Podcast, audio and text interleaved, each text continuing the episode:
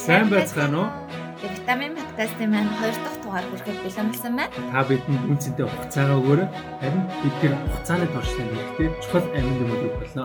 За энэ удаагийн дугаараар бид хоёр дэлхийн дулаалд бага цагуурын өөрчлөлт, цувралынхаа хоёр дахь хэсэг болох бага цагуурын өөрчлөлт дэлхийн дулаалд нөлөөлөлдөг нөлөөллөөрөө гуравт ордог хоол хүнсний талаар авч үзнэ. Тэгээ хоол хүнс дэлхийн дулаалд бага цагуурын өөрчлөлт яаж нөлөөлдөг талаар сэдв бэлтгэсэн өрхөд бэлэн болоод байна. За тэгэд өнөөдрийн сэдв маань материалын битээр нүүбийн хоол хүнс хөдөө аж ахуйн байгууллага болон Drawdown номыг голчлон төлөхөөр ашиглаж бэлтгэсэн. За өнөөдрийн подкаст маань 3 хэсгээс бүрдэж байгаа. Хоол хүнс хэрхэн дэлхийн дулаар яаж нөлөөлөд байгаа юм бэ? Нэгдсэн үндэсний байгууллагаас гаргасан. Тийм хэмжээнд хаягдж байгаа хоол хүнсний статистик тоо баримтууд дэлхийн хэмжээнд өөр улс орнууд үүнтэй яаж тэмцэж байгаа? Энэ үүний эсрэг ямар арга хэмжээ авч байгаа? Мөн та болон би хэдүүлээ хувийн хавууднаас ямар арга хэмжээ авч чадах вэ гэсэн гол хэсэгт басан хоол хүнсний хаягдал болон дэлхийн хоол хүнсийг бэлтгэхэд явагддаг процесс нь дэлхийн хэмжээнд хүлэмжийг ялруулж байгаа. Тийм ихэн гэсэнчлэн хамгийн том оо хүчин зүйлсийн нэг буюу гуравт нь орж байгаа. Хаягдж байгаа хоол хүнсээр дамжуулаад жилд дунджаар 4.4 гигатон нүүрс төрөгчийн давхар эсэл ялгарч идэг. Тэр хин тэр хоол хүнсийг хаяад байгаа юм бэ? Би хаяад байгаа юм уу? Та хаяад байгаа юм те? Түлхин хаягч хоол нь бүгд нийлээд тийм ирж байгаа. За тэгэхээр хоол хүнс хаягддаг гол шалтгаан юу юм бэ? Яг энэ асуултын хариултыг хоёр байдлаар хариулсан. Ядуу бор орны хувьд цэцэн баян хөгж хөжсөн орны. Ядуу бор орны өнцгөөс хараад үзэн хэрэглэгчдээс хоол хаягддаггүй баг тийм Яг л ядуу бүр учраас хоол хүнсийг хийж хайхгүй. Харин зэрэг хоол хүнсийг жоохон хоол хүнс авахын төлөө хөлмөрлж идэг. Гэрэг хэрэглэгчдээс ерөөсөө хоол хүнс хайдаг. Тээвэрлэлт тэгээ нөгөө хэрэглэгчд нь хадгалах явц ч юм уу эсвэл дэлгүүр дээр удаан байхаас шамаарат юм уу үүсэн хэрэглэгчдээс биш бусад процессор дамжуулаад хөвчлэн ядуу бураар хаягдлаж ирдэг гинэ. За харин нөгөө тал дээр буюу баян хөгж хөгжсөн орнуудыг ихэнх дандаа хэрэглэгчдээс хаягд тэ. Айгуу гой боловсруулаад бэлэн болоод хэрэглэгчдийн гар дээр өгдөг. Харин тэр хэрэглэгчд нь хэрэглээд илүүдэл гарсан шууд хаягдл болгож өргөж байгаа. Харин тээвэрлэлт ч юм уу хадгалтын явцанд хаягдж байгаа нь маш бага хувьдэлж байгаа. Ягаад гэвэл нөгөө техник технологи өргөжсөн хөгжүүлдэгч тэ тээвэрлж байгаа машинууд нь болохоор ингээд энэ нөө тохирсон температурыг бүрдүүлсэн байгаа. За хоол хүнсийг хаях үед бид тухайн бүтээгдэхүүнийг боловсруулж байгаа тий. Тарьж байгаа, ургуулж байгаа, хурааж байгаа, боловсруулж байгаа, тээвэрлж байгаа тий. Хэрэглэгчдийн төрөхийн тулд савлж байгаа. Тэр бүх процесс шаардлагатай цаг хугацаа хөдөлмөр техник технологи санхүү төрөнгийн ерөөхдөө бүгдийг нь өгөөчж байгаа гэсэн тэг болгоч байгаа тийм. Тэгэхээр хоол хүнс хаягдна гэхэр мэдээж хогийн сав орж байгаа. Хогийн сав тавиад хогийн цэг рүү очиж байгаа. Хогийн цэгт хаягдаад хоол хүнс нь хөгжирч муудах үед хэмжээний таан их нэршилтэй одоо хий ялгардаг. Энэ хий нь болохоор нүүрс хүчлийн хийнээс ч илүү хүчтэй. Хүлэмжээнд маш хүчтэй бас нөлөөлдөг хий юм байна л да. За тэгэхээр хоол хүнс хэрхэн байгаа цаг уурын өөрчлөлт нөлөөлдөг товчхон базаж авч авч үзлээ. Тэгээ бас метан юм бас өөрөө хүлэмжийн өөрөө ч гэсэн бас ялгардаг. Greenhouse gas. Тэгвэл дэлхийн хэмжээнд эдийн хэр хэмжээний хоол ус хаягдсан бэ жил бүр тий хэдийг талаар авч үзье. Тэгэхээр энэ болохоор 2 дугаар хэсэг. За ихэнх хэлэнчлэг нүүбийн ус ба хөдөө аж ахуйн байгууллага хэлсэн хийсэн судалгаа бас голчлон авч үзсэн яг энэ хэсгээр. Тэгэхээр нүүбийн яг энэ хийсэн судалгаан бүр надад аюу их таалагдсан маш их таалагдсан. Ойр тусчихсан тий аюу. Яагаад гэсэн чинь тухайн одоо хоол хүнс гэдгээр нь бүхлээр нь авч үзээгүй тий. Мэргэжлээ бүгдийг ялгаалаа категори хуваацсан тий. Үр тариа төрөл махны төрөл сүү цагаан гэж тийм жимс жимсэн үр тариа болцоод гэж юм.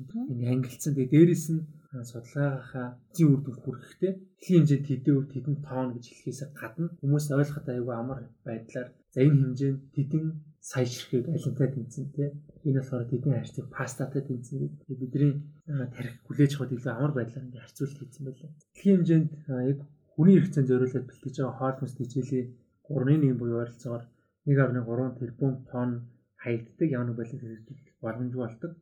Тэгэхээр дээрх тоонд хамгийн хэмжээг эзэлдэг нь хүнс хүнсний нийт төрлийн жимс жимсэн үндэс болцоонууд байдаг гинэ. Тэгээд нийт жимс жимсэн хүнсний нооны 45% буюу бараг ингээд талан шууд ямар байдлаар хаягддаг. Тийм болохоор 3.7 тэрлион ширхэг халимтай тэнцэн гинэ. За тэгээд дараагийнх нь болохоор мах. Хөтөллийн махны 20% нь хаягддаг. Жил дэлхийн хэмжээнд ойролцоогоор 263 сая тонн мах хүний хэрэгцээнд зориулаад бэлтгэгддэг. Аа. За тэгээ 20 хүн гэхээр энэ нь 75 сая ширхэг бүхэртэй тэнцэх хэмжээ. Тэсэн чинь нөгөө нэг монголчуудын нийт малны тооч одоо нэг 50 сая 60 сая орчим байгаа шүү дээ. Тэгээ Монголын энэ олон жил өсгөж ирсэн нийт малнаас тэр чигээр байхгүй. Бүгд ингээд задан төгчж байгаа юм шиг л хайчдаг гэсэн үг шүү дээ. нь болохоор үндэс болцоо гэсэн хэлбэр байна. Үндэс болцооны 45% хаягддаг. Харин нийт цагаан эдээний 20% хаягддаг гинэ. Тэгээд Европт болохоор дангаараа яг энэ цагаан эдээн дээр авч үзэхэд жилд ойролцоогоор 29 сая тонн цагаан эдээ тогтмол ингэж жил болгон хаягддаг. Энэ ойролцоогоор 574 сая ширхэг өндөртэй тэнцэн. Тий. Дараагийн категори нь болохоор далайн гаралтай бүтээгдэхүүн. Тэгээд далайн гаралтай бүтээгдэхүүний 35% хаягддаг. Яну байлаар одоо ашиглагдах боломжгүй байна. Дэлхийн хэмжээнд баригдж байгаа загснуудын 8% буцаад далаад хаягддаг. Яагаад хайж байгаа юм бэ гэж судлаад үзсэн чинь хөвчн дэр загснууд нь өгсөн гинцсэн те ямар нэг асуудалтай буюу хэрэглэгчдэд хүрэх боломжгүй загснууд гэдэг. Тэр загснуудыг загсчд маань ч юм уу тухайн засыг барьж байгаа хүмүүс нь буцаага шууд талаар нь хайчдаг юм байна л да. Аа муухай юм аа.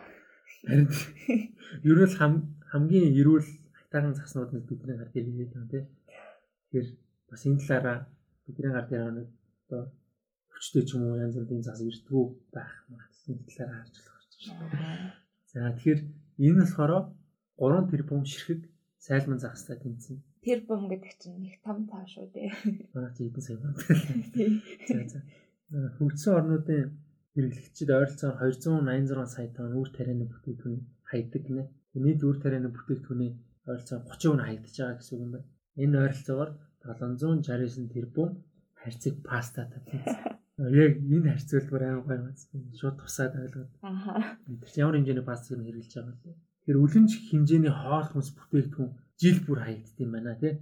Бидний саяны сонссон тэр фактууд тэгэхээр бүгд аюу үлэмж хэмжээний зүйлс тоо хэмжээ ярьж байгаа. Тэгэхээр энэ хэмжээний хоол хүнс хаягддаг.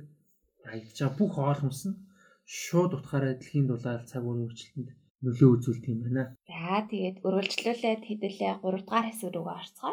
Тэгээд 3 дугаар хэсэг дээр болохоор а дэлхийн хоол хүнс хаягдлаа багасгах тал дээр ер нь улс орнууд ямар арга хэмжээ авч байгаа вэ? Тэгээ нь хоёр улсын жишээ байгаа. Тэгээд бид нэр хувь хүн ер нь бол яг яаж юу хийж чадах юм бэ гэдэг хэсэг байгаа. А тэгээд дэлхийн хэмжээнд гэхээр маш олон улсууд байгаа. Гэхдээ бид нар бол энээр голчлон Америкийг одоо юу гэж байгааг судалж үзсэн байгаа. Америк нэгдсэн улсын хувьд бол нийт хоол тэжээлийн 30-аас 40%-ийг бол хаягддаг. Тэгээд энэс болоод 2018 оны 10 дугаар сард бол Америк нэгдсэн улсын хөдөө аж ахуйн яам, байгалийн хамгааллын агентлаг, хоолбоо хүнс эмийн захиргааны газар гэд эдгээр газрууд нь бол хамтраад 2030 он гэхэд хүнсний хэмжээнд хоол хаягдаг энэ байдлынхаа бол 50% бууруулъя гэсэн зорилго тавьсан байгаа юм. Энэ зорилго ажиллагаагаа хүрээнд ер нь бол захиргааны шинжтэй 6 арга хэмжээ харж байгаа лээ. Эдгээр нь болохоор агентлаг хоорондын уялдаа холбоог сайжруулах, хэрэглэгчдийн мэдлэг боловсролыг нэмэгдүүлэх хоёрдугаарт нь Тэгээ гуравдугаарт нь бол хоол хүнсний алдагдал, хог аягдлыг хэмжих талаарх зохицуулт, удирдамжийг сайжруулгаа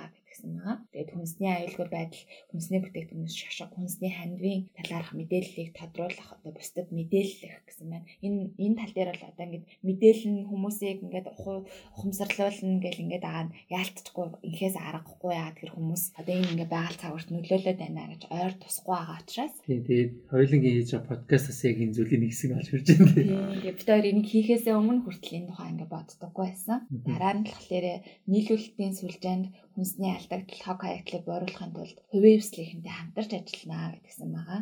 Тэгэхээр зэрэг нөгөө нэг одоо захиалагч нийлүүлж байгаа компани талаасаа ямар арга хэмжээ авах юм бэ гэдэгтээ хамтарч ажиллана гэсэн байгаа. Энэ дээр хатааш нэг порцны жишээ ярьж байсан. Тэгээд халбааны агентлагууд өөрсдийн холбогдох байгууламжид хүнсний хаягдлыг бууруулах арга хэмжээ авч эхлэнэ. Үнийг нь бас дэмжнэ гэсэн байгаа. Тэгээд үүн дээр бас нэг жишээ гэх юм бол би нэг мэдээ уншижсэн чинь Скотланд буюу Шотланд улсад аа ерөөсөө хүнсний хаягдлаас ялгарч байгаа хөлөмжийн хэмжээ нь пластик буюу хуванцар бүтээгдэхүүн үйлдвэрлэл хуванцар бүтээгдэхүүн ашиглалт боловсруулалтаас ялгарч байгаа гринхаус газны хэмжээнээсээ бол илүү их давцсан байна гэд. Тэгээд улс орных нь удирдлага бол энээр ингээ сигнал аваад бид нэр энтэй ингээ тэмцэж эхлэх хэрэгтэй байна гэж тийм мэдээ гарсан мэлээ BBC дээр Тэгээд улс орны хувьд бол нэг ийм жишээ байна.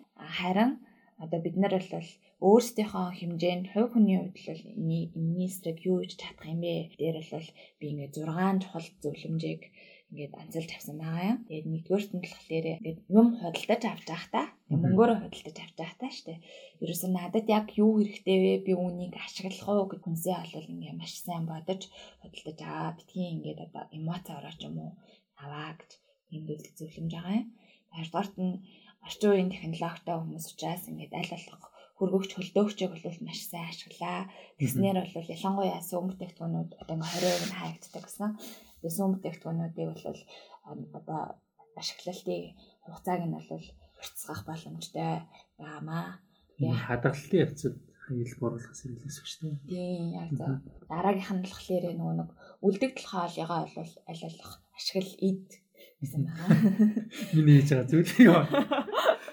Тэгээд монголчууд бол ер нь алхаал ингээд хайхыг бол ер нь эртнээс дэмждэггүй шүү дээ тийм ээ. Гэхдээ одоо сүүлийн үед л энэ бол нэлийн тийм түгээмэл болцсон. Тэгэхээр нөө энэ дээр нэг жишээсэн ш нөө цагаан сарын хэвэн баоыг хүмүүс ингээд мухаад тэр үнийг ингээд нөгөө нэг кейк болгоцсон гэсэн шүү дээ. Тиймээсэн.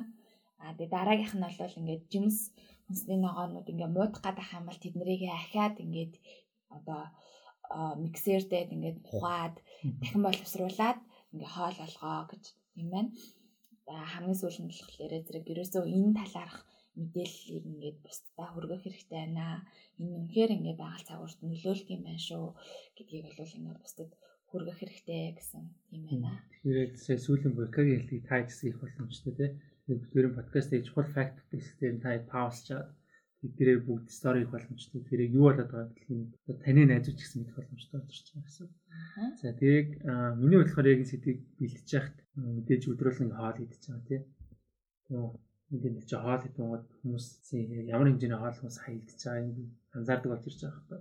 Тэгсэн чинь л маш хэмжээний хоол хүмүүс хаягдж илээ. Зарим талан тий. Зарим баг идэхгүй байдаг чинь ерөөдөө хинхэн баг бүгд ингээ хаягдaltaй харагдаж байгаа. Миний хувьд.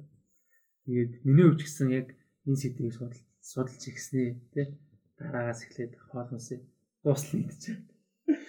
Юу зарим их порцоо хоол идэж дууслан идэхээр юу нь хүнд зүйл ингээ баг хэцүү ирж байгаа. Тийм шүү дээ. Тэрийг надад бодогдсон санаа гэвэл тухайн хоол хүнсний тий хоол хүнсээр хангадаг байгууллагууд хоолны газрууд порцоор гарахтаа олон төрлийн сонголттой тий бүгдийн порц ч юм уу эсвэл тий фул порц бүтэн порц хагас гурван порц ч юм уу тэгээд Тэгэхээр өнөөдөр бол ингээд аль болох хоол хаяхгүй байцгаа хайснаар ийм одоо өр нөлөөтэй юм байна шүү гэдгийг бол ингээд хуваалцах мэдлэг мэдээлэл хуваалцахыг хичээлээ. Өнөөдрийн сэдв манаас шууд бидний хийж чадах зүйлс маш их байгаа болохоор тий тайжсан өнөөдөр бидний битэрийн хүрээлж байгаа тэр челленжийг хэрэгжүүлэхийг хүсэж байна. За тэгээд энэ үртэл битэрийн подкастыг сонсож хамт байсан та бүхэндээ баярлалаа. Тэгээд жоохон ч гэсэн тархинд нь витамин басан гэж дэж байна. За тэгээд дараагийн дугаар маань байгаль цагуурын өөрчлөлттэй холбоотой энэ цуврал маань үргэлжлээ. Өөр нэгэн сонирхолтой сэдвэр байгаа. Дараагийн дугаар хүртэл түр баяртай үзэгчтэй бишээ сонсогчдоо. Баяртай. Баяртай.